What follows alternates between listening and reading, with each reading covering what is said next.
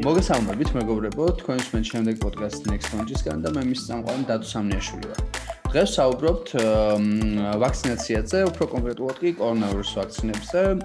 აა შევეცდებით გავიგოთ რა ხდება ამ ხრივ სოფლიოში და ამასთან ერთად საქართველოში რა მდგომარეობა აა რა ვაქცინები გვაქვს სიტყვაზე როგორც საქართველოში ასევე სოფლიოში და რა განსხვავებებია მათ შორის. ამასთან ერთად გაგაცნობთ არსებულ სტატისტიკებს რაც ვრცელდება, ესე ვთქვათ, ბოლ დროს კორონავირუს ვაქცინებთან დაკავშირებით. ამ ყველაფერში კი ჩვენ დღევანდელი სტუმარი დაგვეხმარება, ეს არის დიმიტრი პარტელიანი, სამეცნიერო ჟურნალისტი, რომელსაც საკმაოდ დიდი გამოცდილება აქვს ამ კუთხით და არაერთი საინტერესო სტატია დაუწერია, მათ შორის ასე ვთქვათ კორონავირუს ვაქცინებზე, ხო? აა დიმიტრი, გამარჯობა. აა, გამარჯობა, მოგესალმებით. როგორ ხარ, როგორ გიკითხო? აი, არა მიშავს.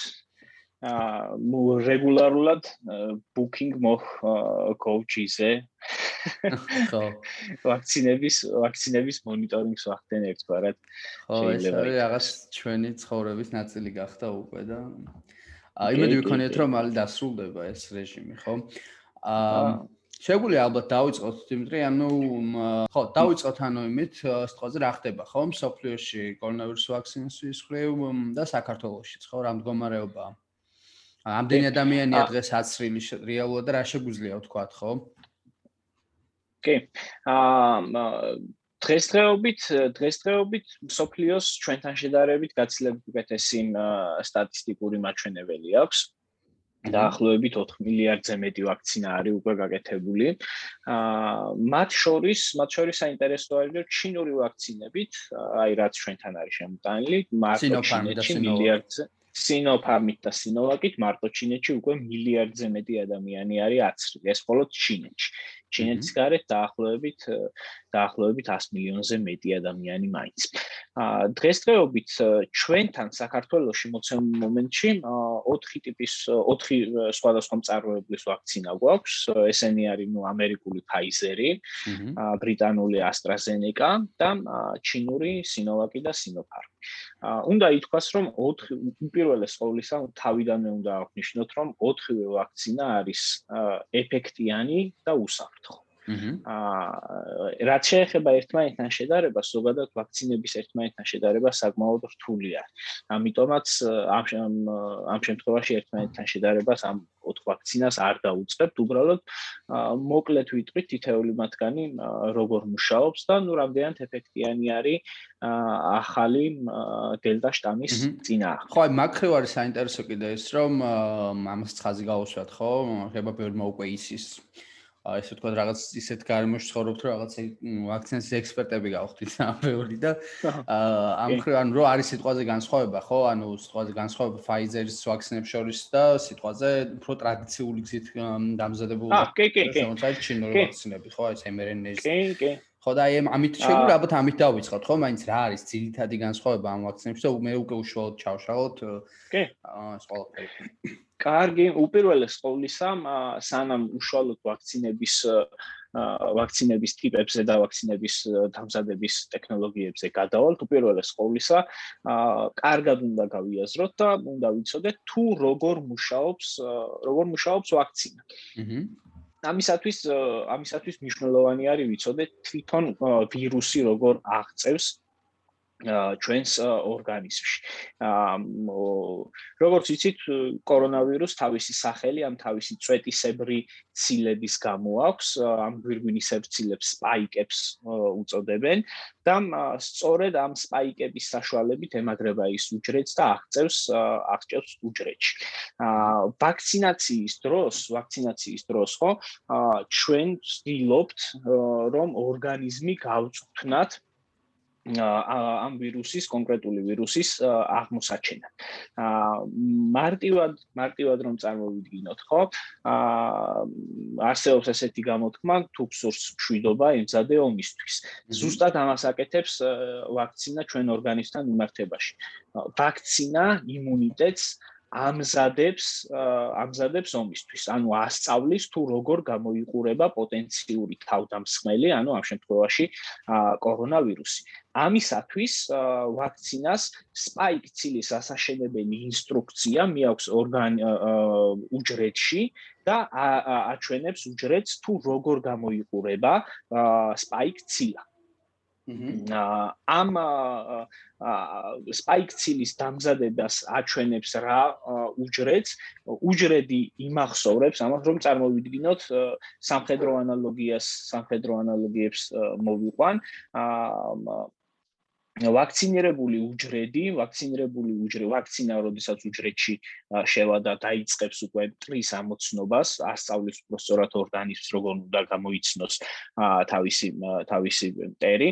ამ ახლა წარმოქმნილ, ახლა წარმოქმნილ ვაქცინირებული უჯრედის შედეგად ახლა წარმოქმნილ ფრაგმენტებს, სპაიქცილებს და მის ფრაგმენტებს დაიჭერენ იმუნიტეტის ანტიგენ წარმოდგენი უჯრედები.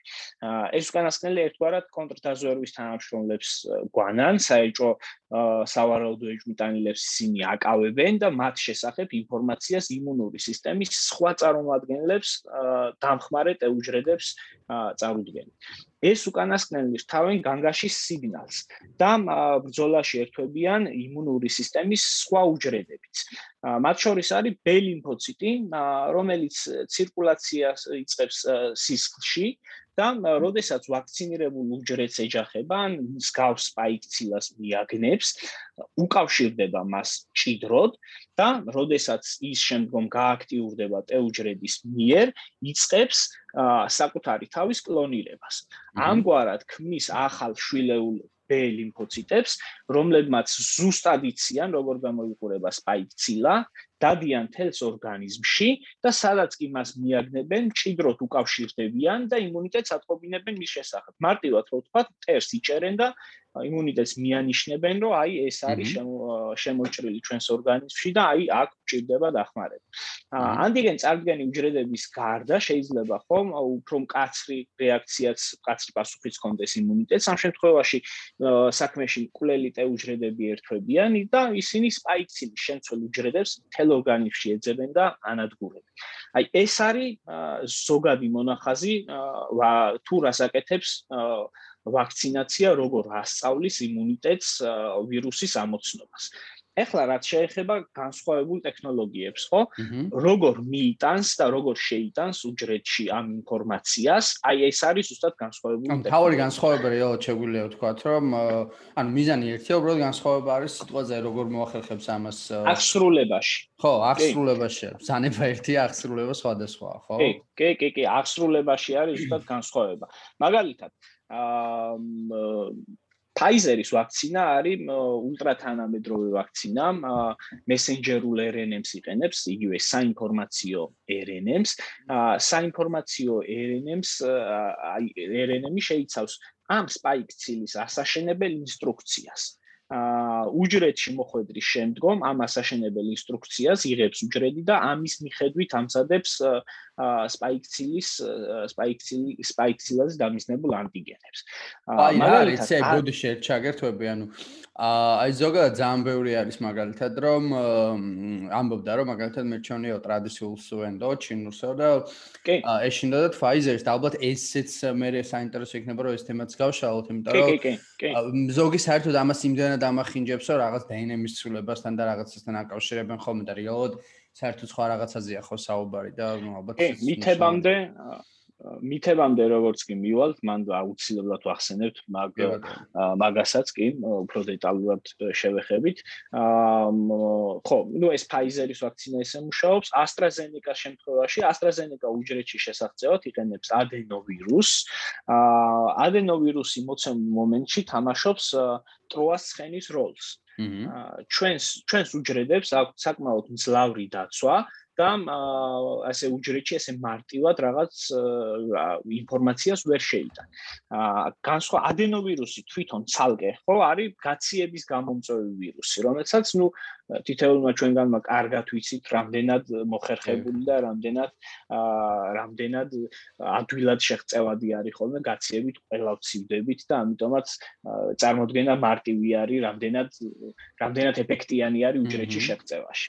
აა ამისათვის ხო ანუ ერთგვარი ტროას ცხენი არის, რომელსაც შეაქვს ორგანიზმში აა სპაიკ ცილის სპაიკ ცილის ასაშენებელი ინსტრუქცია. აა ეს არის ძირითადი განსხვავება Pfizer-ის შემთხვევაში messenger-ულ RNA-ს იყენებს, AstraZeneca-ს შემთხვევაში ამისთვის adenovirus-ს იყენებს. რაც შეეხება Sinopharm-ს და Sinovac, Sinopharm და Sinovac-ი არის ესე რომ ვთქვათ, აი ყველაზე ტრადიციული კონცეფციის ვაქცინები, რადგანაც თითეული მათგანი იყენებს ინაქტივირებულ ვირუსს. აი, ამაზე შეგვიძლია ისე ვთქვათ, რომ აი რაღაცა ოდითგანვე რო სიტყვაზე აა უძელ ძველჩინეთში სიტყვაზე ადამიანები როგორც იყენებდნენ ხო? ანუ მანამ ვაქცინა იქნებოდა ხო? რაღაც ადამიანის ორგანიზმს და რო ამოქონდათ და აა ის რაღაც შექონდათ და ამით ორგანიზმს ავარჯიშებდნენ. თვადესი არა რა თქმა უნდა ბევრად დახვეწილია მაგრამ ნუ აი სტილი მაინც ძველებური არის ზუსტად. ხო თავის ტრადიციას გაყვნენ ესე თქვა ჩინელები ამ კი კი კი კი აი ზუსტად ზუსტად ზუსტი ანალოგია მოიყვანე. ამ ვაქცინის შესაძლებლად ჩინელმა მკვლევარებმა ჰოსპიტალებში მოთავსებული პაციენტებიდან აიღეს კორონავირუსების რამდენიმე ვარიანტი და ათგან შეარჩიეს ის რომლის გამრავლებაც ლაბორატორიულ პირობებში ყველაზე სწრაფად შეეძლო ამგვარად შექმნილი კოლონიები შემდგომ ამგვარად შექმნილ კოლონიებს ვირუსისას გაუკეთეს ინაქტივაცია, შეურიეს სპეციფიური ნივთი სპეციალური ქიმიური ნივთიერება და მოახდინეს მისი ინაქტივაცია. ანუ ვირუს გამრავლება აღარ შეუძლია. მაგრამ მისი შემადგენელი სიკვარი შეგვიძლია ვთქვათ, ესე? კი, კი, კი, მკვდარი ვირუსი წარმოიდგინე, ოღონდ თავისი სპაიკ ცილები ყველაფერი აქვს. ანუ მარტივად რო ვთქვათ, ამ შემთხვევაში იმუნიტეტი ხედავს პირდაპირ გვამს, პოტენციური მტრის გვამს და მისი დანახვით ამოიცნობს მე შემდგომში. კი, კი, მაგით მაგით ხედავს ფიზიკურად შეტანილ მას რა ქვია, ბარ ვირუსს ხედავს და აი ამის მიხედვით, ამის მიხედვით აა იძიებს შემდგომში შემდგომში იმას რა ქვია დანარჩენ სხვა ახლად შემოჭრილ ვირუსებს. ეს მიდგომა არის კლასიკური აი სრული ამ სიტყვის მნიშვნელობით და ძალიან ისეთი სიმბოლური არის. ჩინეთის ზუსტად ასე აიდენტიფიცირებს თავის ვაქცინას და ზუსტად ესე არეკლამებს იცი ახ ჩინური ტრადიციული მედიცინის რამდენად ფესვგადგმული და რამდენად მრავალსაუკუნოვანი ტრადიცია აქვს თვითონ ჩინეთს და ამიტომაც ეს ერთგვარად მისთვის კარგი დასარეკლამებელი აღმოჩნდა უნდა ითქვას, რომ აი ჩემი ვაქცინა არის ტრადიციული ტექნოლოგიით დამზადებული, რომელიც უკვე საუკუნეებზე მეც ითვლის. და რეალურად მართლა ასეა. ხო, და ბევრზე იმუშავა კიდევა სხვა შორის, მაგრამ საზღვარგარეთაც ხო, ანუ საქართველოსიც ბევრი არის, ვინც ამბობს, რომ მე მიჩვენე იმას მენდო სიტყვაზე. კი, კი და ანუ ძალიან კარგი არის, ანუ ზუსტად კორონავირუსის ვაქცინების რბოლა ზუსტად ამითი არის მომხიბლელი, რომ გაძლევს საშუალებას ადამიანს, აძლევს საშუალებას გააკეთოს არჩევანი ფართო სპექტრში ვაქცინების განსხვავებული ფართო სპექტრში გაწყებული წარმოებლიდან, ქვეყნიდან გაგრძელებული ტექნოლოგიით, ნდობით, იმიტომ რომ თითეული ადამიანისთვის ხო ვაქცინაცია არის განსაკუთრებით მნიშვნელოვანი, რომ თავი იგრძნოს თვითონ დაცულად. ვიღაცას, ვიღაცისთვის მაგალითად ამისთვის Pfizer-ი არის აუცილებელი, ვიღაცისთვის ამისთვის რაღაც ტრადიციული ჩინური ვაქცინა არის აუცილებელი, ვიღაცა დაცულად თავს ქსნობს უფრო ბრიტანული ხარისხის იმიტომ რომ ბრიტანული ხარისხი მაინც რაღაცა განსხვავებულად ასოციაციებს იწვევს ადამიანის გონებაში. ამიტომაც ეს არის მთელი სიამოვნება და ეს არის მთელი ხიბლი ამ ვაქცინების შექმნის აა მთელი ბუმის, რომ გვაქვს არჩევანი და ეს არჩევანი საქართველოს შემთხვევაში საკმაოდ ფართო არის.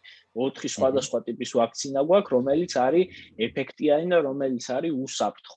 აა უმთავრესად შევეხები იმას, ვიტყვი იმასაც, რომ თითეულმა ვაქცინამ კვლევისთვის აუცილებელი ყველა ეტაპი გაიარა და ამის შემდგომ ამის შემდგომ მიენიჭა გადაუდებელი შემთხვევებში გამოყენების ლიცენზია.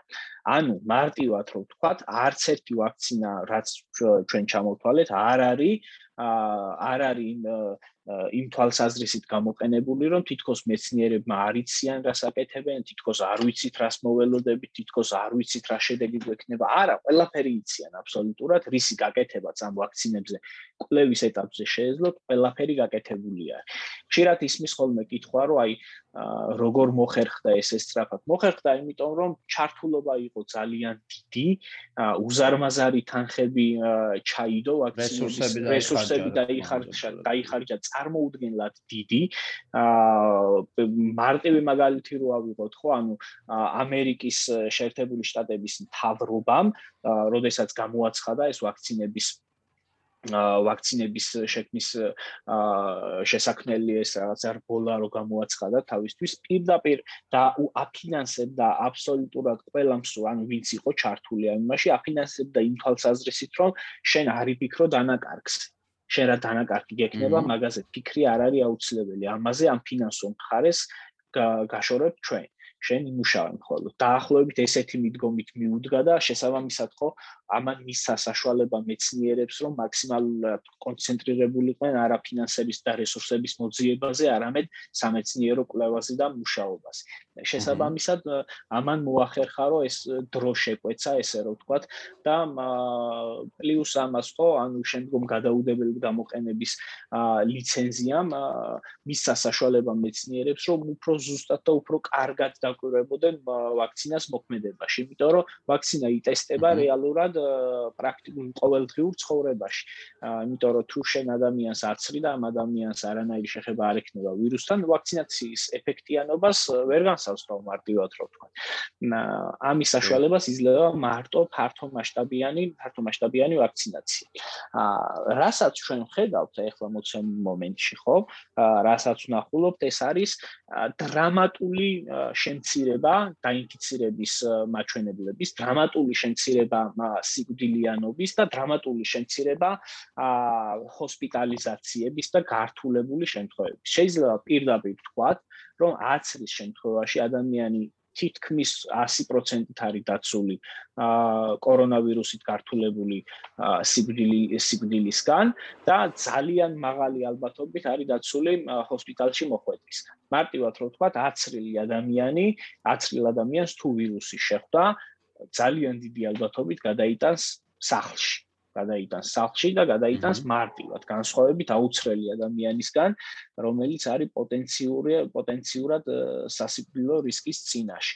და ბევრად მაღალი არის ამხრივ ხო? და აი თუმცა რა არის აი მე ესეც შეგთხოვს ანუ ძალიან ბევრი არის ადამიანი ვინც ამბობს ხოლმე არგუმენტს, ან ძირითადად მაინც უფრო ამ ამ ბევრ ადამიანს გულს ანტივაქსერებს, რომლებიც ამბობენ ხოლმე, რომ სიტყვაზე ნუ კაი მე ვაქცინას მაინც ვირუს მაინც მემართება, ხო? და ანუ მეორე საკითხი ხა შენ ზუსტად ამაზე უპასუხე ხო ამ წამს რომ ერთია შენ დააგემართება და მთავარი ხო შედეგია და შედეგი ის არის რომ ადამიანი ცოცხალი იყოს და საფრთხე არ შეექმნას თორე. ხსიყვა შენ ამ ვირუსის თუ გადაიტან როგორც რაღაცა გრიპს ჩვეულებრივს ან სეზონური მას ან როგორც კი. სიტყვაზე შეიძლება ამას არ კონდეს ხო? მაშინ რა პრობლემა? მაგრამ აი მე რამან რამინდა ისი კითხო იმიტომ დარწმუნება ბევრს ეს შეკითხვა გაუშვებოდა რა აი რამდენად შეგვიძლია გამოსილებით რას დავაკვირდით ანუ რამდენად არის სიტყვაზე თვითონ ის რომ ადამიანს არც დაემართოს? ანუ ვიცით რომ თავისუფლად შეიძლება მაინც დაემართოს მაგრამ პროცენტულად არის ამ ხრივ რამე სტატისტიკა. რამდენად უფრო ხარ დაცული სიტყვაზე აცრილი ადამიანი მისგან რომ ის არ დაგემართოს ვიდრე არაცრილი ადამიანი? აა კი და ეს არის მოცემულ მომენტში მიმდინარე კვლევები იმიტომ რომ აა თითოეული ვაქცინა შეიქმნა დაახლოებით 1 წლის წინ და გათვლილი იყო ცირკულაციაში არსებულ ალფა ვარიანტზე, პირველ ვარიანტზე, ესე რომ ვთქვათ რა. დღესდღეობით ჩვენ გვაქვს უკვე მეოთხე ვარიანტი, დელტა ვარიანტი. აა შესაბამისად ხო დელტა ვარიანტი ალფა ვარიანტისგან განსხვავდება. ამიტომაც არის ზუსტად განსხვავებული ცვლილებები დაცვაში, ხო? აი მაგალითად ვიცოდით, რომ ფაიზერი 95%-იან ეფექტიანობას აჩვენებდა. აა AstraZeneca-ს ჰქონდა 80%-ზე უფრო მაღალი ეფექტიანობა. აა Sinopharm-ს ჰქონდა მაგალითად 78-79%-იანი ეფექტიანობა. თითოეული ეს ეფექტიანობა იყო გათვლილი ალფა ვარიანტზე. მოცემულ მომენტში ახალი ვარიანტების გაჩენის პარალელურად მიმდინარეობს რეგულარულად კვლევები სხვადასხვა ქვეყნიდან და პასუხებიც არის განსხვავებული. ხშირ შემთხვევაში ეს უნდა წარმოვიდგინოთ, რომ ეს ხომ არ მიმდინარეობს რაღაც სტერილურ გარემოში, არ მიმდინარეობს კლინიკაში ეს კვლევები, ხო? ეს არის ყოველდღიური ცხოვრების კვლევები და შესაბამისად, ხო, შეიძლება განსხვავებული პროცენტული მაჩვენებლები მიუთითებდეს არაუშუალოდ ვაქცინაციის ეფექტიანობის გამო კი არ იყოს, არამედ უშუალოდ ქვეყანაში არსებული კორონავირუსის შეზღუდვების ან ეპიდემიოლოგიური სიტუაციის ან ცხოვრების სტილის გავრცელების კი ბევრ რამეზე შეიძლება იყოს დამოკიდებული. მაგალითად, აი ახლა ყველაზე ბოლოს გამოქვეყნებული გამოქვეყნებული კვლევების მიხედვით დავიწყებ. ნანახია, რომ Pfizer-ის ვაქცინის ერთი დოზა დელტა ვირუსით ინფიცირე დელტა ვირუსით გამოწვეული COVID-19-ის წინააღმდეგ ერთ-ერთ კვლევაში არის რომ 36%-ით ეფექტიანი არის. AstraZeneca, AstraZeneca-ს 1.9 30%. აა ეს რაოდენობა იზრდება მეორე აცრის შემდგომ. მაგალითად, Pfizer-ი იწევს, Pfizer-ის ეფექტიანობა იწევს 88%-ამდე, ხოლო AstraZeneca 67%-ამდე. აა ეს არის ერთი კვლევა და მისგან რამდენადმე განსხვავებული კვლევა არის, ეხლა კანადელმა მეცნიერებმა გამოაქვეყნეს, ოღონდ ეს არის პრეპრინტის სახით, ანუ ეს ნიშნავს, რომ აკადემიურ სტატიას ჯერ რეცენზირება არ გაუვლია და მათი მათი მათი კვლევის მიხედვით Pfizer-ის ერთი ვაქცინის ერთი ვაქცინა 56%-იან დაცვას უზრუნველყოფს, სრული ვაქცინაცია 87%. ვაქცინას. აა AstraZeneca-ს ვაქცინა ერთი დოზა 67%-იან დაცვას იძლევა, მაგრამ მეორე ვაქცინით გამოწვეული სრული დაცვა ამ კვლევაში ჯერჯერობით გაკეთებული არ ჰქონდა. აა იმედის მომცემი არის Sinopharm-ის Sinopharm-ის კვლევაც შრი-ლანკაში ჩატარდა და ესეც ასევე პრეპრინტის სახით არის გამოქვეყნებული.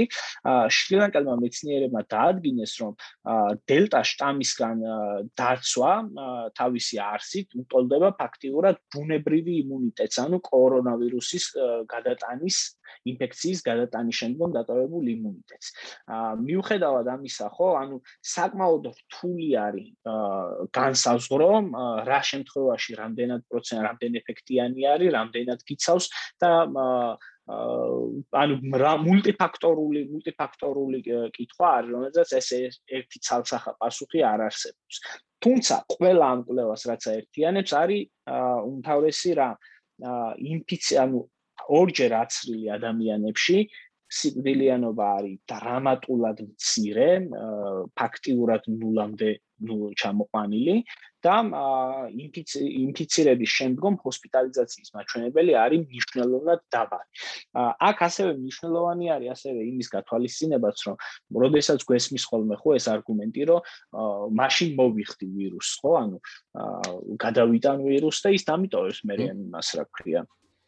ხომ რა გარანტია გაქვს რომ კარგად გადაიტანე? აი ზუსტად ერთი ერთი ერთი რომ არ არის გარანტია იმისი რომ კარგად გადაიტან და არ დაგრჩება ხანგრძლივი ხანგრძლივი ჩილილები, რასაც ხანგრძლივ კოვიდს ეძახიან და ბოლო პერიოდში გამოქვეყნებულმა მეტაანალიზებმა უკვე დაახლოებით 40 კვლევაზე მეტი სამეცნიერო ნამუში ნაშრომის შეჯამება მოხდა ერთ მასში რა ქვია მასიურ კვლევაში და უკვე ცალსახად არის გამოკვეთილი რომ ხანგრძლივი ეფექტები მოსალოდნელი არის.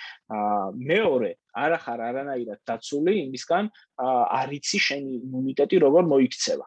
აა იმიტომ რომ თუ მსუბუქად გადაიტან აა რამდენიმე თვეში გაგიქრება უხეშად რო თქვა შეიძლება უფრო დიდხანს შენ არ ჩუნდეს აა მოკლედ არ ვერ განსავს ხო უხეშად რო ვთქვათ რა ანუ რამდენი ხნით დაგიტოვებს დაცვას და რამდენად ეფექტიანი იქნება ეს შენი დაცვა განსხვავებით აცრისგან რაზეც უკვე უფრო დარწმუნებით შეგვიძლია ვისაუბროთ რა. ამას ემატება ისიც რომ ინფიცირებული ადამიანი რომელიც ხვდება საავადმყოფოში ჰოსპიტალურ ჰოსპიტალურ ადგილს იკავებს ხო? ანუ მარტივად რო ვთქვათ ქვეყანას აქვს საწოლი ხო იკავებს ამ ადგილს და კი და ამან ავტომატურად შეიძლება საავტოფოში კურნალ ჰოსპიტალიზაციის მიღმა დატოვოს გაცილებით მძიმე პაციენტი, რომელსაც უფრო მეტად ესაჭიროება ჰოსპიტალური კვლევა და რეალურად ჰოსპიტალური მართვა. რეალურად ვაქცინაცია გვაძლევს საშუალებას, რომ ვიზრუნოთ საკუთარ თავზე და ვიზრუნოთ ჩვენ ზირგლივ გარემო გარშემომყოფებსაც. რომ მე გადავიტან ისე თუ შემხვდება, რომ საავტოფოში ჩემი დაწვენა არ გახდება საჭირო, საწოლ ჰოსპიტალურ საწოლს არ დავიკავებ. ხომ, ექიმს ექიმს ჩემზე არ იქნება ყურადღება გადმოსატანი და უფრო იქნება კონცენტრირებული იმ ადამიანებზე, იმ მოწყვლად ჯგუფებზე, რომლებსაც კორონავირუსი გაცილებით უფრო მძიმედ და რთულად გადააქვს. ამიტომაც ეს ძალიან მნიშვნელოვანი არის ამ ამ თვალსაზრისით ვაქცინაცია არა მარტო ჩვენი დაცვის, არამედ საზოგადოების და ჩვენ ზირგულ ყოფი ადამიანების დაცვასაც წარმოადგენს. აა ერთის მაქვს შეკითხვა რა, ანუ ამაზე რომ საუბრობდით, ხო? აა ჩვენ ვიცით რომ სიტყვაზე რაც რამდენ კონკრეტულად რამდენიმე ქვეყანა რომელიც ლიდერობდა ამ ხრივ, ხო, ვაქცინების რაოდენობით, აცრების რაოდენობით. აა მათ შორის იყო ისრაელი, ხო და აა რაღაც რეგულაციები რაც მათ გააუქმეს, მე რაღაც დონეზე ოდნავ სხვა ეს პირბადეების შემთხვევა, პირბადების მაგალითად მაგ თავიდან შემოიღეს, ხო და ნუ ამას უკავშირებენ სიტყვაზე დელტა ვარიანტის გავრცელებას, ხო? და ამ ხრივ თუ შეგვიძლია ვთქვა სიტყვაზე აა რამდენად აი ეს არის მნიშვნელოვანი რა რომ გასაგებია რომ შეიძლება იმ ქვეყანაში სიტყვაზე ვირუსი ვრცელდებოდეს მაგრამ რამდენად არის სიკვდილიანობა შემცირებული ხო? კი. აა სიკვდილიანობა არის კიდევ ერთხელ ვთქვი დრამატულად შემცირებული. აა დელტა ვარიანტმა ნუ ისრაელმა დავიწყოთ იქედან რომ ფაქტიურად ყველაზე ადრეაც რა ყველაზე ბევრი მოსახ ანუ ადამიანი რაოდენობრივად და პროცენტულადაც თავისი ქვეყნის აა თავისი ქვეყნის მოსახლეობის და პრაქტიკულად ვირუსი დაამარცხა კორონავირუსის პანდემია რაღაც ეტაპზე დაამარცხა იმ დონეზე რომ რეგულაცია მოიხსნა პირბადეების ტარებაზე არა მარტო გარე სივრცეებში, არამედ დახურულ სივრცეებში. გაიხსნა მთლიანად ყველანაირი ყველა რესტორანი, ბარი, კლუბები, ყველაფერი გაიხსნა პრაქტიკულად რა ქვეყანაში. და ამან რა თქმა უნდა გაზარდა მობილობა. გაზარდა მობილობა და გაზრდილი მობილობა ავტომატურად ნიშნავს ვირუსის გაზრდილ მობილობასაც. შესაბამისად, დელტა ვარიანტის აფეთქება ესე რომ ვთქვათ, ხო? სრულიად ლოგიკური და მოსალოდნელიც იყო, მაგრამ მიუხედავად ამისა, ჰოსპიტალიზაციის მაჩვენებელი არის გაცილებით დაბალი ვიდრე პირველი ტალღების დროს. აა პირველი ქვეყანა ხდება მოცემულ მომენტში ისრაელი, რომელიც იწყებს თავისი მოქალაქეების უკვე მესამე დოზით, ბუსტერული დოზებით აცრას. ამის შესახებ მოცემულ მომენტში ნელ-ნელა გროვდება სამეცნიერო მტკიცებულება თუ რა შემთხვევაში უნდა გაკეთდეს, როგორ უნდა განისაზღვროს, როგორ უნდა განისაზღვროს ვის უნდა შეხვდეს ბუსტერი და ვის არა და ნუ ამაზე ლაპარაკი ცოტა შორს აგვიყვანს. უბრალოდ შევეხოთ თვითონ პანდემიის და ქვეყნის დამოკიდებულებას, ხო? აა ვაქცინაცია, ვაქცინაცია ერთია, მეორე არის პრევენციული ზომები. ეს ორი ერთმანეთში არ უნდა აურიოთ და არ უნდა ჩავთვალოთ, რომ ვაქცინაცია ავტომატურად გულისხმობს პრევენციული ზომების გაქრობას და პირიქით, პრევენციულ ზომებს თუ ვიცავ, ეს ავტომატურად ნიშნავს, რომ ვირუსი არ შემხდება. არც ერთ შემთხვევაში ვირუსისგან ვირუსთან კონტაქტისგან დაზღვეულები ადამიანები არა ვართ, უბრალოდ განსხვავებული არის ჩვენი კონტაქტის შემდგომი რისკები, კონტაქტის შემდგომ გართულებების რისკები. აა უპირველეს ყოვლისა, ხო, ანუ ვაქცინაცია რატო უხარია ხალხს და რატო უნდა რატო უნდა სჭირდებოდეს ადამიანებს და მოსახლეობას, ხო? ვაქცინაციამ ფიზიკურად უნდა აგრძნობინოს საზოგადოებას, რომ ისინი ვირუსს ამარცხებენ. ამიტომაც ძალიან მნიშვნელოვანი იყო რომ ვაქცინაციის კარგად ჩატარების შემდგომ ა ფაქტიურად გაიხსნა ისრაელი და ამან მისცა საშუალება ადამიანებს ენახათ რომ კორონავირუსთან აქტიური ბრძოლის შედეგად შესაბამისი შესაბამის შედეგებს მიაღწიეს. თუმცა ამ პრაქტიკამ აი ახლა დელტა ვარიანტის დელტა შტამის ფონზე განვითარებულმა მოვლენებმა ნათლად დაგვანახა რომ კი შეიძლება ჩვენ აცრილი ყავდეს მოსახლეობა აცრის მიხედვით მოცვა საზოგადოების საკმაოდ დიდი იყოს მაგრამ პრევენციული ღონისძიებების უგულვებელყოფა მაინც თავის შედეგს მოიტანს. ამიტომაც ხო რაღაცა გარკვეული ოქროს შუალები არის ამ შემთხვევაში სანახავი ხო? რაღაც კონკრეტული სახი აზრის ფარგლებში აუცილებელი არის ეს ამ პრევენციული ღონისძიებების დაცვა. ისევ პირვადის ტარება, ისევ სოციალური სოციალური დისტანცია და უპირველეს ყოვლისა კარგი მონიტორინგი საკუთარი ჯანმრთელობის. აა ადრე წავიკითხე ამის შესახებ, როდესაც ახალი გამოჩენილი იყო ვირუსი, ერთადერთი ყველაზე სწორი მიდგომა კლინიკური თვალსაზრისით პანდემიამ კორონავირუსთან ურთიერთობის იყო, რომ ნებისმიერ სიმპტომს, ნებისმიერ ჯანმრთელობის მდგომარეობის გაუარესებას სულ-სულ თავიდან პირველ ტალღაზე ომ.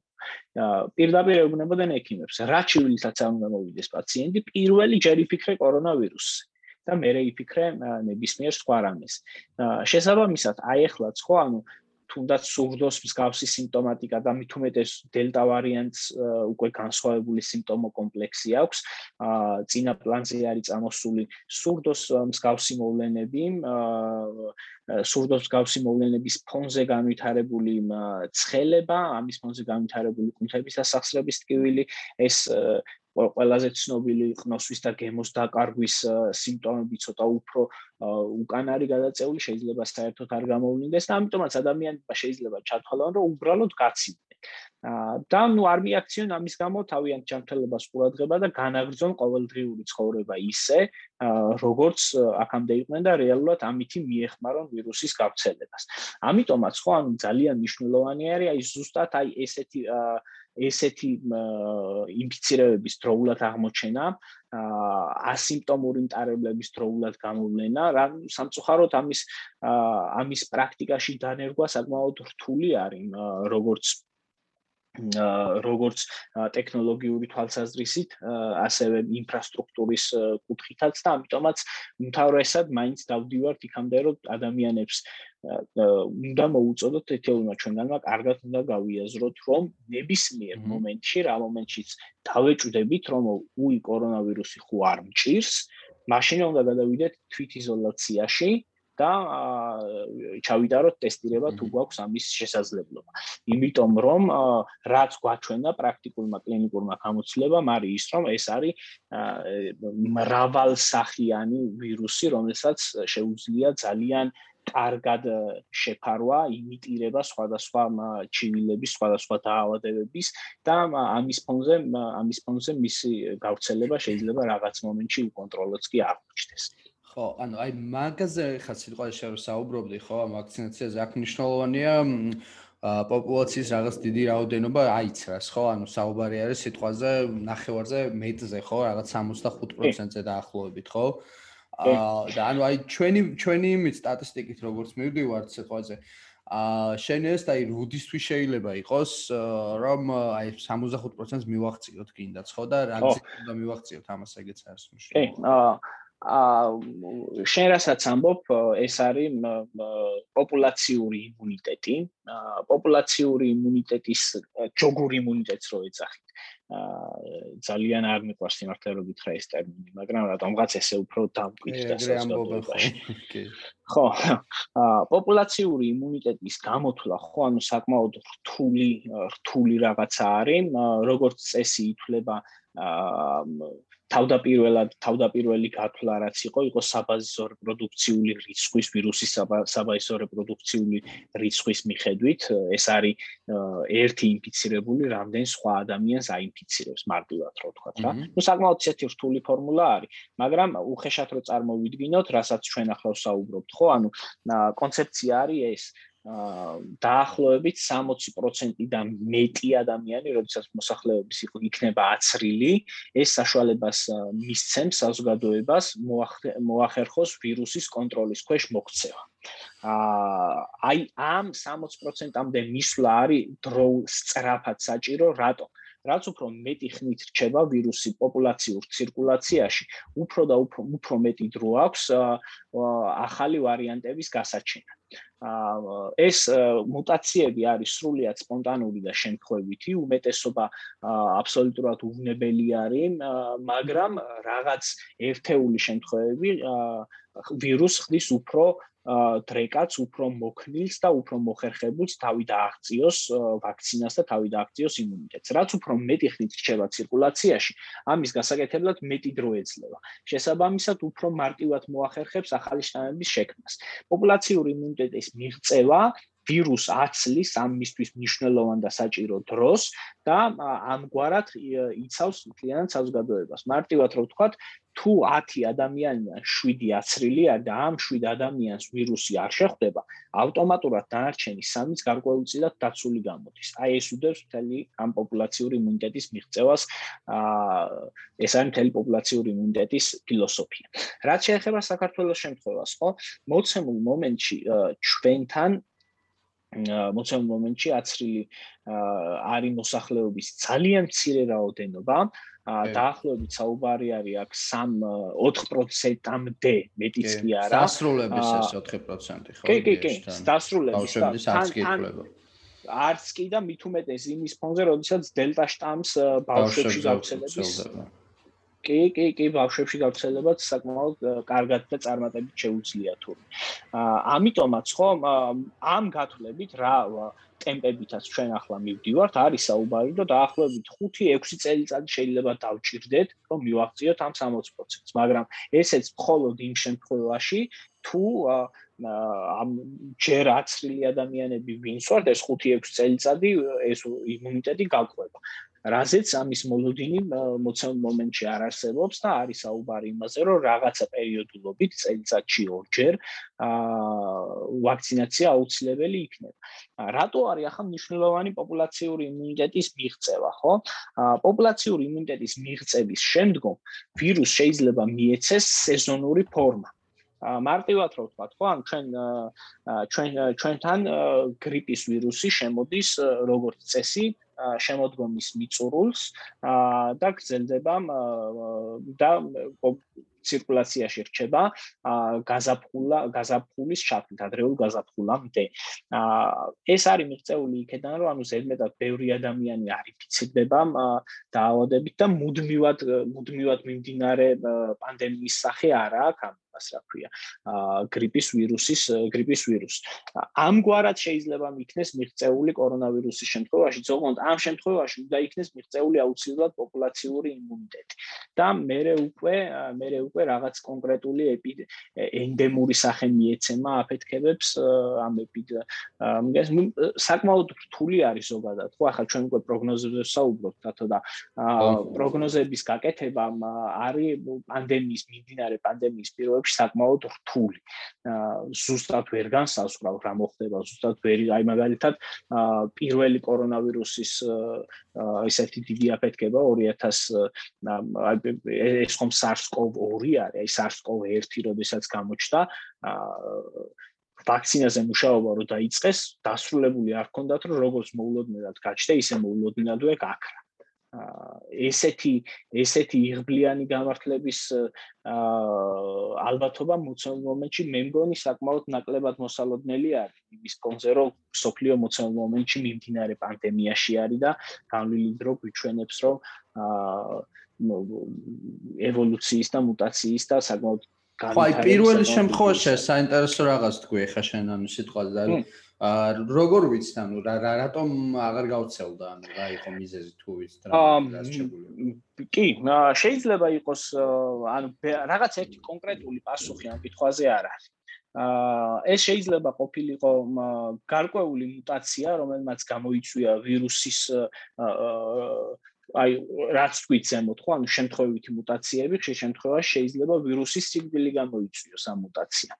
აა ეს შეიძლება ყოფილიყო ეს, შეიძლება ყოფილიყო საკმაოდ მძლავრად და სწრაფად მიღებული სწრაფად მიღებული ჩაკეტვითი სომები და მიუხედავად იმისა, რომ მიუხედავად იმისა, რომ მაშინ ჩინეთი ძალიან კაცრად გააკრიტიკეს ამ თავისი ინფორმაციების დამალვის და დამალვის გამო ჯანდაცვის სოფლიო ორგანიზაციის იმდროინდელმა ხელმძღვანელმა შეიძლება ითქვას რომ მაშინაც კი მაშინ საკმაოდ სწრაფად და სწრაფად მოხერხდა ვირუსის კონტროლის ქვეშ მოქცევა, ესე რომ ვთქვა რა. პლუს ამას ის შემატება, რომ სამხრეთ აზიური ქვეყნებში მოსახლეობის დიდი რაოდენობის ჰაერის დაბინძურების და ზოგადად დიდი კონტამინაციის გამო პირბადი სტარება არის ჩვეულებრივი სოციალური ნორმა, განსხვავებით ჩვენგან, სადაც პირბადის პირბადის სტარებას დასავლური ქვეყნები ძალიან ძიმედ შეეჩვიან. აზიური ქვეყნებისთვის აბსოლუტურად ნორმა არის ყოველ ყოველ სამთარში პირბადებს ჩვენთანაც ძალიან იშვიათად დაინახავდი სიტყვაზე კორონავირუს გავრცელებამდე ადამიანს პირბადით ხო კუჩაში ძალიან იშვიათი იყო. ამიტომაც ხო მარტივად რო ვთქვა ამ კითხვაზე რაღაც ერთი ზუსტი და გადამწყვეტი პასუხი არ არსებობს რა. მაგრამ ნუ ფაქტია ფაქტი არის ეგეთი.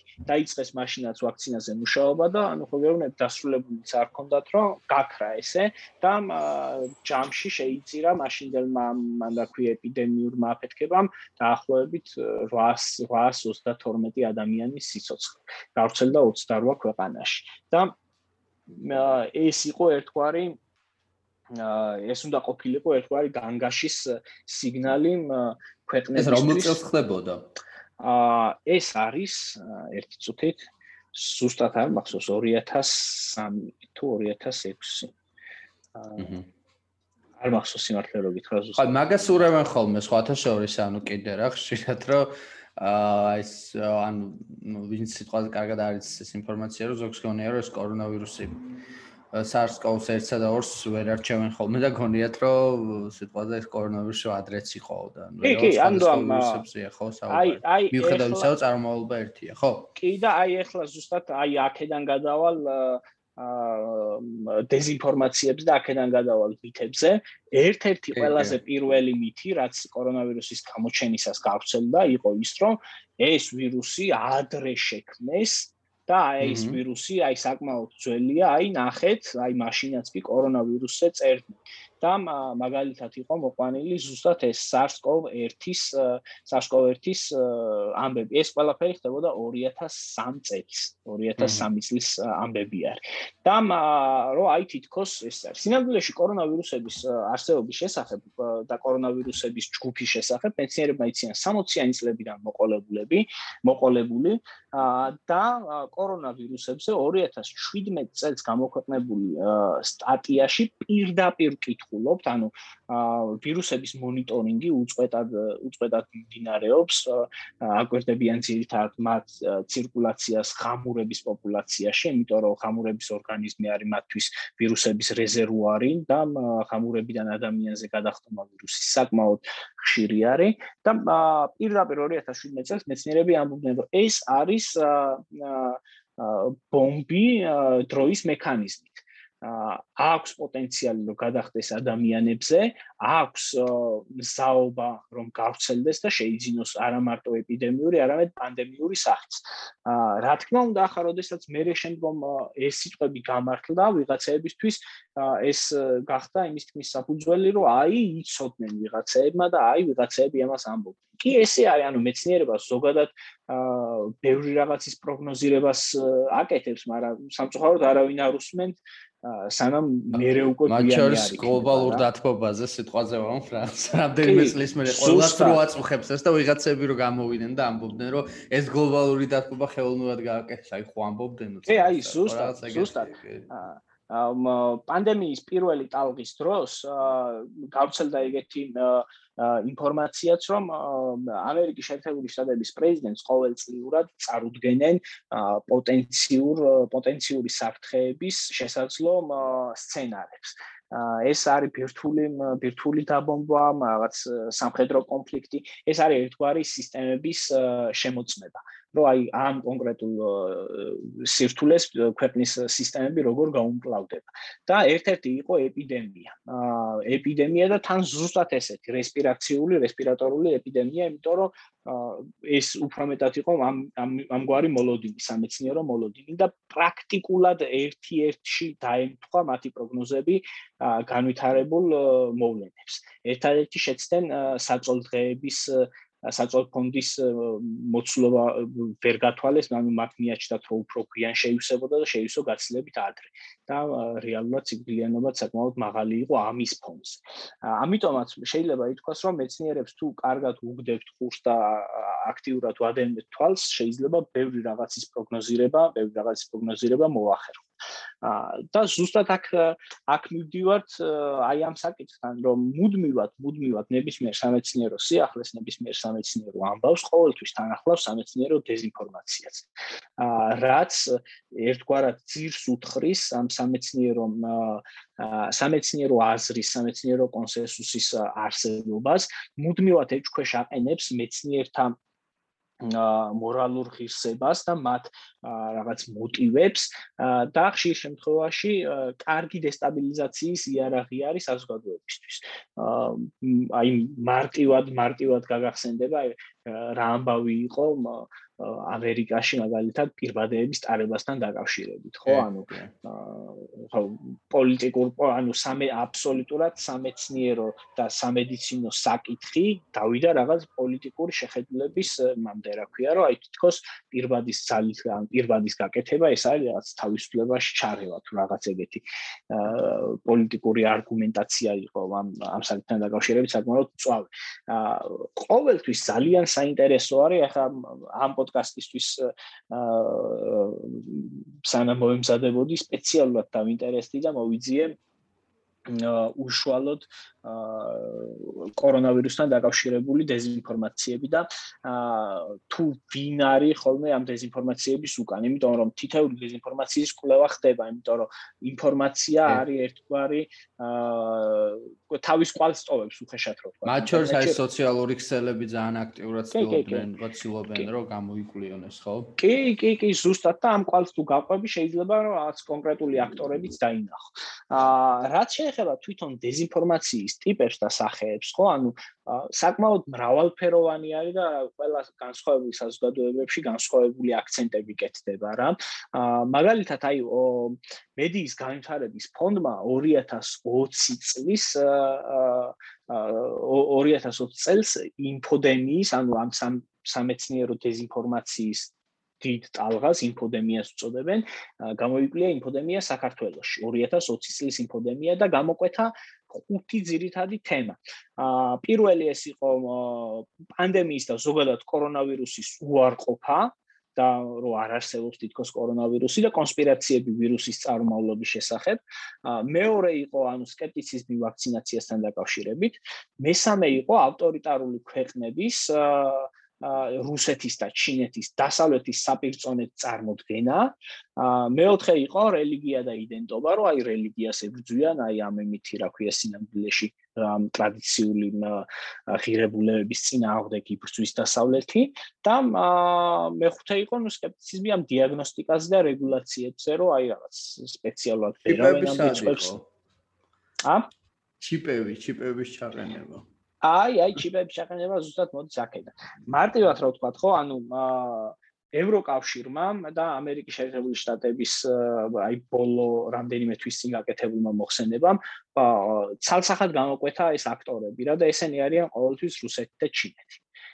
რომლებიც დაწቀბული ჩინეთი ჩინეთის დეзинფორმაცია არის როგორც წესი მიმართული იქეთკენ რომ ეს ვირუსი ჩინეთში არ გაჩენილა და ჩინეთში შევიდა გარიდან უბრალოდ აქ აფეთქდა ეპიდემიის სახით. ეგ საინტერესოა, აი კარგად არ გამიგია მართალია, ან ჩინეთის ხედან მოდის ეგ დეзинფორმაციები, რომ საიდანაც შევიდა? კი, კი. და შეიძლება ჩინეთში, ანუ ეს ინფორმაციები? კი, ანუ კი და ანუ ამ ამ ამ ინფორმაციებს საკმაოდ ხმამაღლა აშღერებენ ხოლმე, ანუ როგორ იცი, აა უხანი არის სავაჭრო ცენტრი. აა ერთგვარი ერთგვარი საკვანძო ქალაქი არის, სადაც რკინიგზის ქსელი, რავი, თითქმის მთელი აღმოსავლეთ მთელი აზიისიდან შეიძლება მანდგროვდებოდეს რა.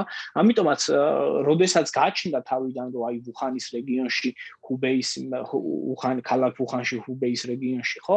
აა მაშინვე დაიწყეს საუბარი რომ არა ეს შეიძლება რაღაც სხვა იმიდან შემოვიდა. შემოვიდა ჩვენთან გაყინული ხორცპროდუქტების გზით. აა მე შეცვალეს და თქვეს რომ არა ანუ ეს ეს ღამურები სინამდვილეში ხო რაღაც ვიეტნამიდან და იქედან გადმოფრინდებიან ხოლმე ანუ გადმოფრენგსაზე იმყოფებიან და იქედან წამოიღეს ვირუსი. ანუ ხო ხვდები მარტივად თავის პასუხისგებლობის არიდების გზაა გზარი იმიტომ რომ გემახსოვრება კარგად ამერიკის შეერთებული შტატების პრეზიდენტი დონალდ ტრამპი პირდაპირ ჩინურ ვირუსს ეძახდა ამას რომ აი ჩინეთის პასუხისგებლობა გამოეკვეთა და ისრები გადაიტანა თავის ქვეყანაში ვერ მართული, კარგად ვერ მართული პანდემიის პასუხისგებლობა დაეკისრებია ჩინეთისთვის.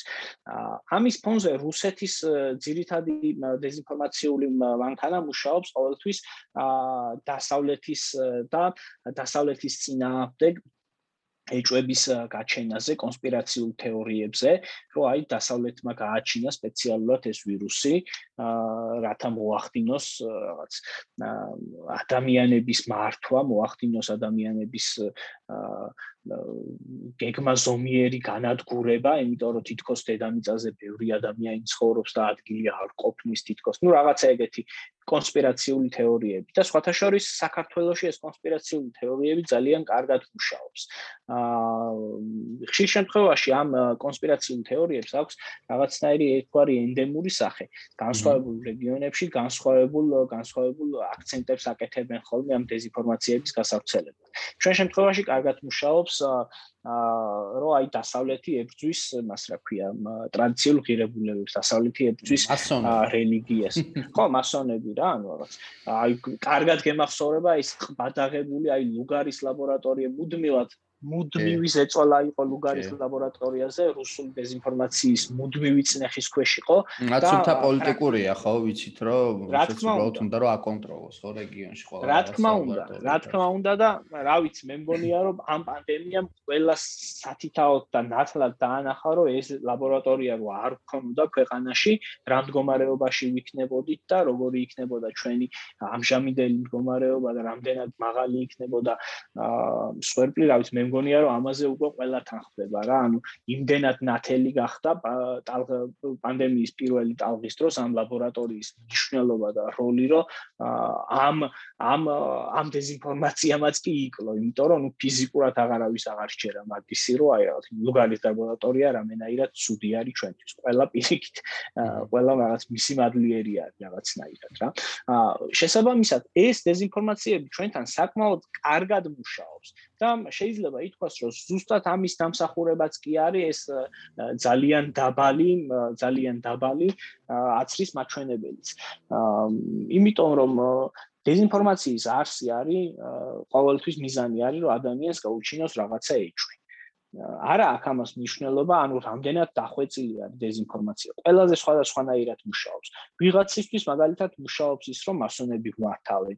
ვიღაცისთვის მუშაობს, რომ ეს ბოლომდე არ არის კარგად გამოკვლეული და კვლევის ეტაპები ბოლომდე არ აქვს გავლილი. ვიღაცისთვის იმაზე მუშაობს, რომ აი ევროკავშირი და გარყვნილი ევროპა და გარყვნილი ამერიკა ამგვარად ებრძვის რაღაც ძირეულ და ადამიანს რაღაც ჩვენს ტრადიციულ ღირებულებებს. ანუ ყველა კატეგორიაზე რაღაც დაჩიპო არის და ასე შემდეგ. კი, დაჩიპოზე სხვათა შორის ხო, ანუ ძალიან საინტერესო როგორც წესი ყველაზე კარგად დეзинფორმაცია მუშაობს მაშინ, როდესაც რაღაც აა სიმართლის მარცვალი არის გამორეული ამ დეзинფორმაციის თვითონ ფორმაში, გადმოცემის ფორმაში.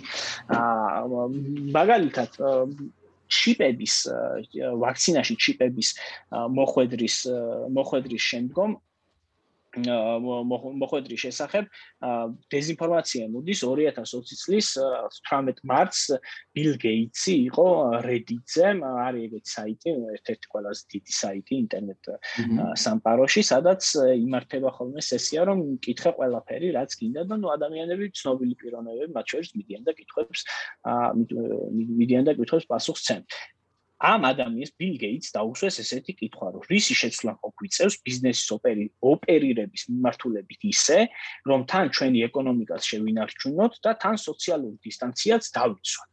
ეს კითხვა ვიღაც მოხმარებელმა ბილ გეიტს რაზეც ბილ გეიტსმა უპასუხა, რომ ქვეყნები ჯერაც არ ყვევენ, როგორ უნდა მოიქცენ. დროთა განმავლობაში ჩვენ გვექნება რაღაც ციფრული სერტიფიკატები იმისთვის, რომ ვაჩვენოთ, რომ გამოჯანმრთელთ, ან გავიტესტეთ, ან როდის გავიკეთეთ ვაქცინა და ვინ მიიღო ის. ანუ COVID პასპორტები გვექნებაო ამასამს. ანუ აქ არის ნახსენები ციფრული სერტიფიკატი და არის რომ აი გავიტესტეთ ან ავიცერით, გავიკეთეთ ვაქცინა. და ეს გადათარგმნა ვიღაცამ, რომ აი ბილ გეიტსი ამბობს, რომ ვაქცინაში იქნება ჩიპები. აი ხო ხვდები ახლა რა რამდენად ანუ ნამდვილად თქვა ბილ გეიტსმა ნამდვილად თქვა ვაქცინა ახსენა ნამდვილად ციფრული სერტიფიკატი ახსენა ნამდვილად გატესტვაც ახსენა ნამდვილად და ეს ვიღაცა მესე ერთგვარად შეაწება და აგერ აი მაგალითად თუ არიცი ინგლისური და თუ არ შეგიძლია ის იქნება მიჩნეული საიტის ლინკი სადაც გადახვალ და შეხედავ რომ კი ნამდვილად ბილ გეიტსი წერია ნამდვილად ვაქცინა წერია, ანუ ამდენი ინგლისური პარლამენტის რო ასოები გააჩიოს და всё. ანუ დაახლოებით აი ეგეთი ეგეთი ეგეთი ვაქცია, ეგეთი დეзинფორმაცია არის ყველაზე მეტად რთული ამოსაწირქვი რა, იმიტომ რომ გიჭირს გიჭირს დაპირისპირება თვითონ ფაქტთან. აა ერთი არის ერთი არის აბსოლუტურად არარსებული ფაქტის მოფიქრება და მეორე არის მეორე არის რაღაცაზე რო დააშენებ, კი. კი, კი, კი, არსებული ფაქტის, არსებული ფაქტის დამახინჯება. აა სტივენ, სტივენ პრაის აქვს ნათქვამი ვაქცინაციასთან და სტივენ პრაის აქვს ნათქვამი, რომ არასრულ ყოფილად გადმოცემული სიმართლე ტყუილია. აა ზუსტად ზუსტად ესეთივე ის არის რა, ანუ ამ შემთხვევაში. თუმცა არასრულად კი თუმცა აი მანდ ჩიპებზე მინდა რომ უბრალოდ ხაზი გაუსვათ რომ ანუ სამწუხაროდ თუ საბედნიეროდ არ ვიცი მე ჩემთვის პირა მე მგონი რომ სამწუხაროდ. ეგეთ ტექნოლოგიები ფიზიკურად არ გვაქვს ხო ჩვენ ადამიანებს სითხის სახით რაღაცა ჩიპები ჩაუყენოთ ხო რითაც მე მათ გაკონტროლება შეგვიძლია თუ რაღაც ანუ ეგეთი ტექნოლოგიები დღეს რო გქონდეს ფიზიკურად შესაძლებელი რო იყოს ჩვენ ჩვენ ცივილიზაცია ბევრად წინ იქნებოდა და წინ კი ჯანდაცვაც ბევრად დაცული იქნებოდა ვიდრე სიტყვაზე სანა შესაბამისად ერთია როდესაც ჩვენ ამბობ რომ სიტყვაზე აი ამაზე არიან წამსვლელები და მეორეა როდესაც რომც დაუშვათ რომ სიტყვაზე სუ სუ ვიღაცეები პირობითად იყო რამე წამსვლელი მეორე ფიზიკურად შეუძლებელია ესეთი რაღაცა და ხა ანუ აი მე ეს არის უბრალოდ რომ მან მე ზოგადად თავარ პრობლემას ყოველთვის ხედავ იმის რომ ადამიანებს აქვთ გაუცხოება მეცნიერების და ტექნოლოგიების მიმართ და არ აქვთ ინფორმაციები რაღაცეებზე თორე ხა.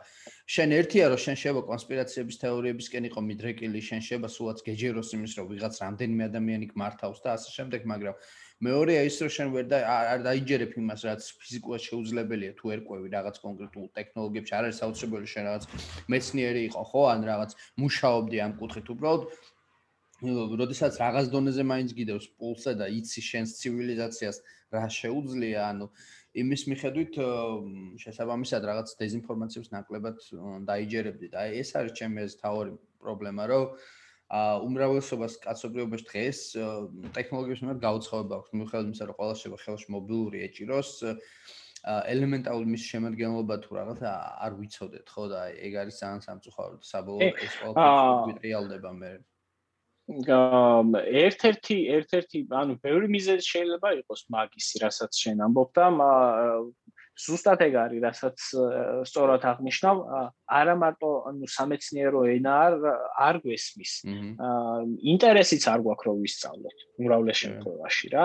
აა ინტერესიც არ გვაქვს და თუ ინტერესი გვიჩნდება, აღმოჩნდება, რომ აღმოჩნდება, რომ რაღაც კრიტიკულად ვერ ვანსხვავებთ ერთმანეთისგან რეალურ ინფორმაციას მის ინფორმაციისგან ან დეзинფორმაციისგან. ეს ეს ალბათ რაღაც უფრო რთული და უფრო კომპლექსური საკითხია, რომლის მოგვარებას და გადაწყვეტასაც ალბათ რაღაცა გარკვეული პერიოდი სჭირდება და ასე ერთი ხელ ხელაღებით ხელაღებით ამას ალბათ ვერ ამომზიდვათ რა. მაგრამ რასაც შენაობ ზუსტად აბსოლუტურად აბსოლუტურად მართალი ხარ ელემენტარული ვინსკი ტექნოლოგია იცის მარტივად მიხვდება რომ აი მისთვის სასაცილო იქნება უხეშად რო თქვა რა ანუ რაღაც ეს მითი. იმიტომ რომ ფიზიკურად შეუძლებელია მოცემულ მომენტში ამის გაკეთებ. აი ერთი რაღაც დეзинფორმაციაზე კი ვსაუბრობთ, მაგრამ აა ჩემ ეს ასე ამინდა რომ გამოგვჭეს ის მომენტი, რაც არის უშუალოდ ეს ასაკობრივი მომენტი. აა ჩვენთან დღეს ვიცით რომ 16 წლიდან იცრებიან, ხო? აა 16 წლიდან შეგვიძლია რომ ავიცრათ. აა თუმცა ამის პარალელურად უკვე შენს ახსენდა ვიცით რომ ეს ახალი სიტყვას დელტა იქნება, ეს დელტა სამი იქნება თუ სხვა, ანუ პატარა ასაკში ვრცელდება, სიტყვა სექტემბერში ახლა სწავლა დაიწყება, სექტემბერში, ოქტომბერში სწავლა დაიწყება და ამ ხრივ აუცილებელია რომ მოხდეს პატარების დაცვაც, ხო? აი ამ ხრივ რა მდგომარეობაა, რა შეგვიძლია ვთქვა სოფლიოში, იმიტომ რომ რაღაც ქვეყნებში ვიცი რომ იწებენ უკვე პატარების აცრას და რა ხდება ამ ხრივ, ხო აი კვლევების ხრივათაც რომ მიმოვიხილოთ, რამდენად არსებობს ამაზე რაღაც კვლევები? და რას ფიქრობ, რომ აი საქართველოს უდინაშებენ, რომ საქართველოსიც დაიწყეს უკვე ლაპარაკი, რომ სხვა სექტემბერში. კი, კი, კი. აა დავიწყოთ დავიწყოთ ევროპის ევროპის ქვეყნებიდან ძალიან ბევრ ქვეყანაში ევრო არ მარტო ევროპაში ზოგადად სოფლიოშიც 12 12 წელს ზემოთ ბავშვებს ცრიან და არჩევის არჩევის პრეპარატი არის მოცემულ შემთხვევაში არჩევის ვაქცინა არის Pfizer. აა ჩინეთში ჩინეთში 3 წლის ასაკიდან ცრიან Sinovac-ის ვაქცინა. აა ნუ ზუსტი რაოდენობა სამწუხაროდ ჩინეთი ხო იცი ანუ კომუნისტური სახელმწიფო არის და ამ ინფორმაციას ძიმედ გასცემს ხოლმე ამიტომაც მოცემ მომენტში რთული არის იმის ზუსტად მარამდენი ბავშვი ყავთ აცრილი მაგრამ სამი წლის ასაკიდან ბავშვებს სინოვაკის ვაქცინით ცრიან ეს არის ფაქტი.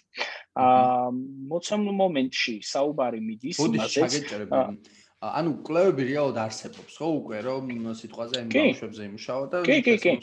კი კი რა თქმა უნდა. აა და მეტიც Pfizer-ის ხელმძღვანელმა ალბერტ ბურლამ განაცხადა რომ სექტემბრისთვის მარეგულირებელს ისინი განაცხადს მიაწვდიან ვაქცინაციის გამოყენებაზე ორ ასაკობრივ კატეგორიაში 2-დან 5 წლამდე და 6-დან 11 წლამდე ბავშვებზე და ვარაუდობს მისი გათვლებით 2021 წლის დეკემბრისთვის უნდა შეძლოს და ასევე მარეგულირებელს მიაწოდოს განაცხადი 6 თვიდან 2 წლამდე ასაკის პატარების აცრასიც. ეს არის გამოწვეული იმითი, რომ პატარების მობილობის შეზღუდვა რაღაცა გაურკვეველი დროით არის მათთვის უფრო მეტად საზიანო, ვიდრე კორონავირუსით ინფიცირება. მაგალითად, ამერიკის პედიატრთა აკადემია, ამერიკის პედიატრთა ასოციაცია პანდემიის პირველ წლიდან მოყოლებული ამბობდა, რომ დისტანციურ რეჟიმზე გადაყვანა, დისტანციური სწავლება უფრო მეტ ზიანს აყენებს პატარის განვითარებას, ვიდრე საკლასო ოთახში პოტენციური რისკი კორონავირუსით ინფიცირების. და რახანაც დელტა ვარიანტის გავრცელება პატარებში უფრო უფრო უფრო მაღალი არის, ამიტომაც მნიშვნელოვანი არის ისიც, რომ მიუხედავად ამისა, ხო, ანუ ამერიკის პედიატრთა ასოციაცია, აკადემია მაინც ამბობს, რომ ამ დელტა ვარიანტის ფონზეც კი კლასში სწავლება და სოციალიზაცია ბავშვების არის გაცილებით უფრო მეტად პრიორიტეტული. აჰა ამიტომაც საჭიროებაც მათი აცრის არის. შესაბამისად, ხო, რახანაც პატარების პატარების ვაქცინაცია გაცილებით უფრო რთულ რეგულაციურ აა რთულ რეგულაციებს ექვემდებარება, კვლევის კვლევაში კვლევის კვლევაში ჩართვის მსურველების რაოდენობა საკმაოდ ანუ უფრო რთული არის მარტივად რო ვთქვა რა პატარების ვაქცინაციის და პატარებზე ვაქცინების კვლევა.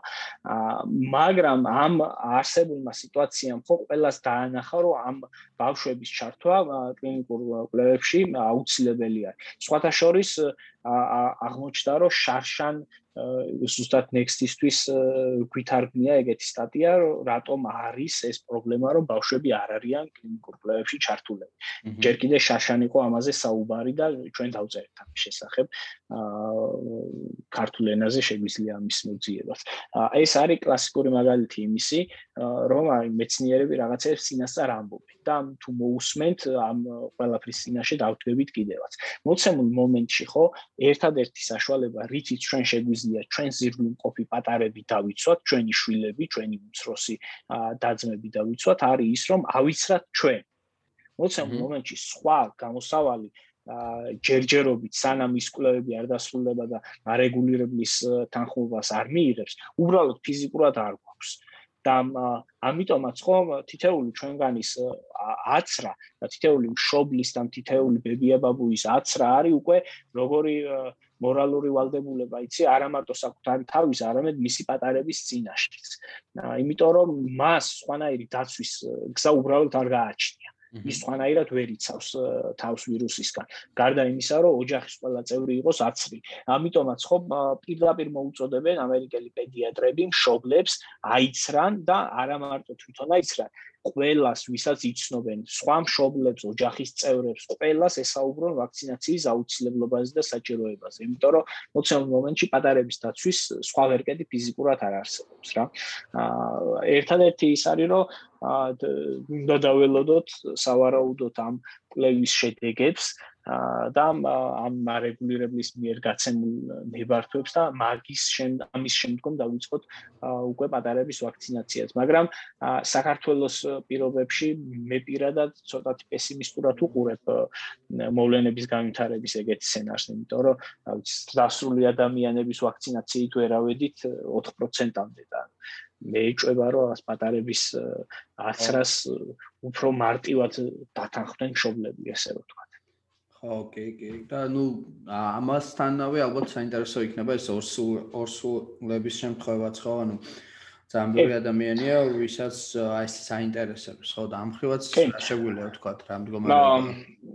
კი, უპირველეს ყოვლისა უნდა აღნიშნოთ, რომ ის ფაქტი, რომ რაღაცას მეცნიერები გარკვეულ, ანუ ზუსტად და გადაწყვეტით ვერ ამბობენ, არ ნიშნავს იმას, რომ რაღაც საფი, ანუ რაღაც კონკრეტული შეხედულება არ აქვს. ორსულებთან დაკავშირებით კვლევები არის რთული იმ თვალსაზრისით, რომ ანუ ორსულები თვითონ კლინიკურ კვლევებში არ ერთვებიან, არ აქვთ არანაირი სრული და არც მეცნიერები ეძალებიან ძირითადად ორსულების ჩართვას კლინიკურ კვლევებში. ვაქცინაციის პირობებში ანუ გამოჩნდა ემპირიულად დადგინდა, რომ ანუ გაცილებით მეტი ბენეფიტი აქვს ორსულის აცრას და მეძუძური დედის აცრას აა ვიდრე ან პოტენციური ზიანი და პოტენციური რისკი რის წინაშე დგება კორონავირუსთან კონტაქტის შემთხვევაშიც. ამიტომაც ამიტომაც ხო ანუ ამერიკაში მაგალითად ამერიკის CDC CDC პირდაპირ აღნიშნავს უკვე და ამბობს ამბობს და სულ უფრო ხმამაღლა საუბრობენ ამაზე რომ ორსულების უნდა იცრან და მეძუძური დედებიც უნდა იცრან. ეს არის სრულიად უსაფრთხო მართვის და ეს არის სრულიად უვნებელი და პირიქით სასურველი და სასარგებლო არის მათივე ჯანმრთელობისთვის და მათივე დაცვისათვის ამიტომაც ამიტომაც ეს ეს რეკომენდაციები ჩვენამდე როგორ მოაღწევს და როდის მოაღწევს და რამდენად დაინერგება მოქმედებაში ეს ცოტა რთული სათქმელი არის. მოცემ მომენტში მე როგორც ვიცი, აი რამდენიმე კონკრეტული შემთხვევიდან გამომდინარე, შემიძლია ვთქვა, რომ არის რაღაც პირადი პირადი გადაწყვეტილების პირადი გადაწყვეტილების დონეზე არის თითქოს დაყვანილი რა. ამიტომაც ამიტომაც ცოტათი ცოტათი რთული არის ამაზე ამაზე აი ახლა აქედან საუბარი, რადგანაც ფიზიკურად არ არის ჯერ დაგროვილი შესაძლოა დიდი რაოდენობით და დიდ დიდი მოცულობითი კვლევები, რაღაც ორსულების და მეძური დედების, მაგრამ რა კვლევებიც არსებობს, ემპირიული კვლევები, რაც არსებობს და რაც პოსტფაქტუმ ჩატარებული კვლევები არის, ყველა გვეუბნება რომ ანუ უსაფრთხო არის ყველა ასაკობრივ კატეგორია ანუ პრაქტიკულად უსაფრთხო არის ყველასთვის. აა რა თქმა უნდა ვაქცინაციასაც თავისი ისენი აქვს ვისთვის არ შეიძლება და ვინ ვერ იცრის აა ვაქცინით, მაგრამ აი ამ ადამიანების რაოდენობა არის ძალიან მცირე და ამ ადამიანების დაცვა არის, რავი, თითოეული ჩვენგანი სინდისზე მარტივად რა ვთქვათ, რომ აი ვიღაცა რო საკუთარ თავს ვერ იცავს, არის დამოკიდებული სრულიად შენზე. რომ შენ დაიცვა საკუთარი თავი და ამგვარად ისიც დაიცვა ავტომატურად პოპულაციური იმუნიტეტის გზით. აა მარტივად რო ვთქვა, ხო, ანუ რაღაც ვაქცინაცია მარტო საკუთარი თავის დაცვა არ არის, უფრო კომპლექსური საკითხი არის და ამიტომაც არის განსაკუთრებით თქმეული აა ჩვენთვის ამ სამეცნიერო ჟურნალისტებისთვის, რომ აი როცა ვიცით ამ ყველაფრის შესახებ, უყურებთ როგორ იქცევა, როგორ უდგება საზოგადოება, რა მუდმივად ჩართული ვართ ამ ყველაფრის გამოსწორებაზე და შეცვლაზე, მაგრამ რაღაც არსებით შედეგებს და არსებით წინსვლას ვერ ხედავთ, ეს რაღაცნაირად დამთრგუნველი არის პირადად ჩემთვის. კი.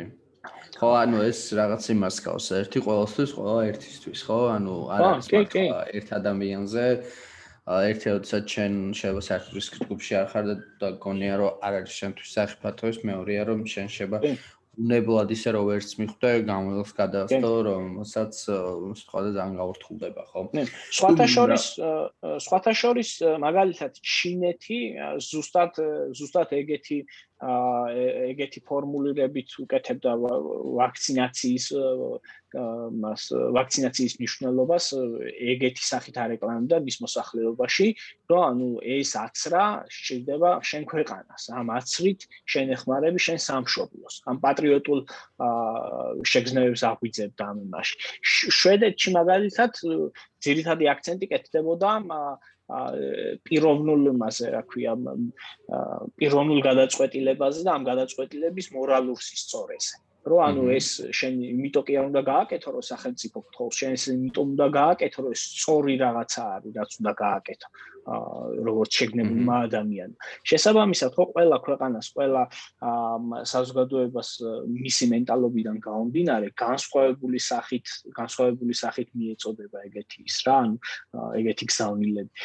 შესაბამისად, მე მგონია, რომ მაგალითად კათოლიკური სამყაროსთვის რამდენად მნიშვნელოვანი არის რომის პაპის სიტყვა კი იცი შენ, ხო? ანუ აბმა პირდაპირ მოუწოდა რომ ანუ არ გადადგათ ნაბიჯი თვითკვლელობისკენ აიცერით იმიტომ რომ ეს არის ერთ-ერთი ყველაზე დიდი ქრისტიანი რაც ჩვენ შემთხვევაში არ მომხდარა მართლმადიდებლური ეკლესიისგან ესე საჯაროდ და ძალიან ცუდია კი, ეგ ეგ ყველაზე მეტად საწყენიანი მით უმეტეს იმ ფონზე, როდესაც ეკლესიის ავტორიტეტი და საპატრიარქოს ავტორიტეტი ქვეყანაში არის საკმაოდ მაღალი, ერთ-ერთი ყველაზე ავტორიტეტული და ავტორიტეტული სისტემა არის, ინსტიტუცია არის, კი და ამის ფონზე ხო, ანუ დარწმუნებული ვარ, რომ ძალიან ბევრი ადამიანი, ვინც აცრისგან თავს იკავებს, მეუფეების ან პატრიარქის ან მისი მხლების მისი სულიერი მამების მოწოდების შემდგომ გაცილებით უფრო სწრაფად აიცრებოდნენ. რატომ არა ესეთი ის კი, იმიტომ რომ ხავახსენეთ იქ ჩვენ რაღაცები და ერთ-ერთი ის არის რელიგიური ფონი, როდესაც ბევრს რაღაც რელიგიური კუთხით სწორედაც რელიგიური კუთხით ერიდებიან, ხო, რაღაც გაზრდებული სხვადასხვა რელიგიური შეხედულებების გამო ერიდებიან მათ შორის ვაქცინაციას და სხვადასხვა რაღაცას ხედავენ ამაში. აა ხო. სხვათა შორის ხო? ანუ აი ისრაელი რახანაც ვახსენეთ ისრაელმა ერთ-ერთი პირველი რაც გააკეთა ხო? ანუ ძირითადი შიში იყო იმაზე, რომ ღრმად მორწმუნე ღრმად მორწმუნე ისე ხარედები, ანუ რელიგიური ადამიანები არ აიცრებოდნენ. და პირველივე აქცენტი გაკეთდა ზუსტად რაბინების განათლებაზე, რაბინების განსწავლაზე და რაბინების საჯარო აცრაზე. და იყო ასეთი შემთხვევა, როდესაც ამ ვაქცინაციის კამპანიის პერიოდში ერთ-ერთმა რაბინმა რაღაც დეзинფორმაციული ინფორმაციების გავრცელება დაიწყო, რომ ეს ეს არის ბილ გეიტსი, დაჩიპვა რაღაცა ეგეთი ისა რა, ანუ კლასიკური კლასიკური დეзинფორმაციული ნარატივები. აა დილით რო თქვა, ეს განცხადება საღამოს უკვე განკვეთილი იყო. ამდენად მწვავე რეაქცია მოყვა თვითონ რელიგიური ინსტიტუციის მხრიდან. ამიტომაც პრაქტიკული თვალსაზრისითაც ხედავთ, რომ ანუ ამას ძალიან ძალიან დიდი გავლენის მოხდენა შეუძლია ადამიანების ქცევასაც. კი ბატონო.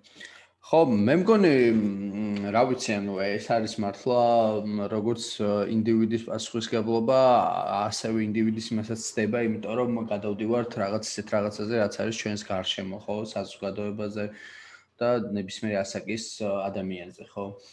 აა, რა ვიცი, აა, შეგვიძლია ალბათ ნელა ჩვენს დასრულისკენ წავიდეთ და აა, თუ არის რამე ისეთი, რაც სიტყვაზე, რა ვიცი, მენელს ეტყოდი მაგალითად.